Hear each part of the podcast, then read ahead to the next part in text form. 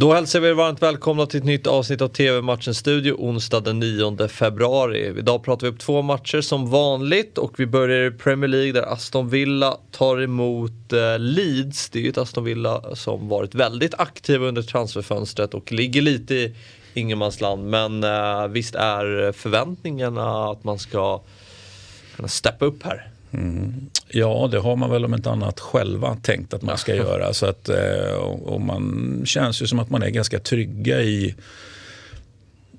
i sina prestationer och att man inte är speciellt lättstressade, vilket ju alltid är en bra... Mm. Eh, alltså om man är helt världsfrånvänd, då är inte det bra heller såklart. Va? Men om du ändå är trygg i prestationer och har så att säga, gott självförtroende, det brukar ju hjälpa till när man spelar fotboll. Ja. Och Leeds, eh, li lite indragning i bottensidan är man ju. Man har sju poäng ner till, eh, till eh, nedflyttningsstrecket. Så eh, man behöver ju jag vet inte, det känns inte som att Leeds kommer kanske vara där nere. Men det är ju klart att det inte har varit en bra säsong. Leeds är där nere. Ja.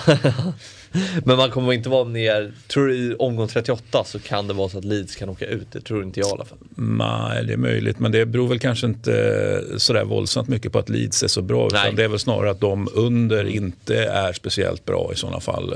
Så att jag det är väl ändå så att Leeds är en besvikelse den här säsongen. Gud, ja. Något annat kan man ju inte säga. Nej, och eh, vi var inne på Aston Villa, att de kommer bli spännande att följa. Vad tror du om den här matchen? Eh, hemmaseger tror jag på. Mm. 21.00 startar matchen. Ni ser den på Viasat Fotboll. Nu till Franska kuppen och mötet mellan Nice-Marseille. Uh, Nice som uh, slog ut PSG uh, under um, för drygt en vecka sedan i kuppen Mo och efter straffar. Nu är det en ny stor drake man ska mm. möta här. Och, eh, och förhoppningsvis fälla då.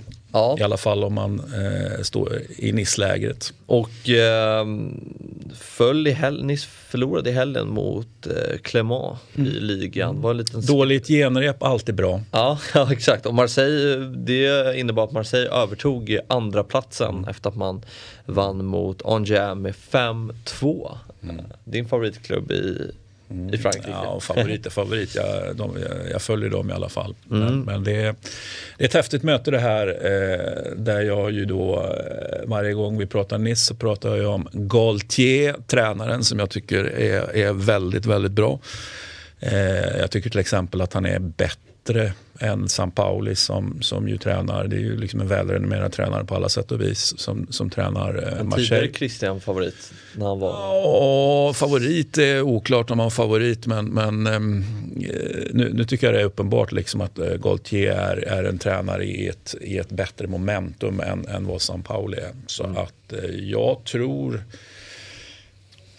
det kanske inte nödvändigtvis eh, är avgjort efter 90 minuter. Nej. Men, men eh, alltså, Nice eh, har inte förlorat den här matchen efter 90 minuter.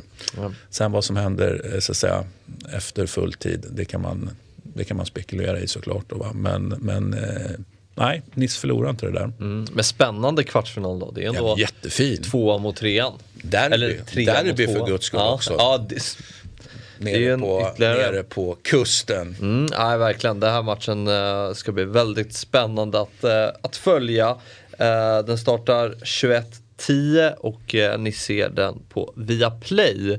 Det var allt för idag. Vi nöjer oss väl där Christian. Men vi. Är, vi är givetvis tillbaka imorgon igen med ett nytt avsnitt av TV-matchen Studio. Vi ses då, hej!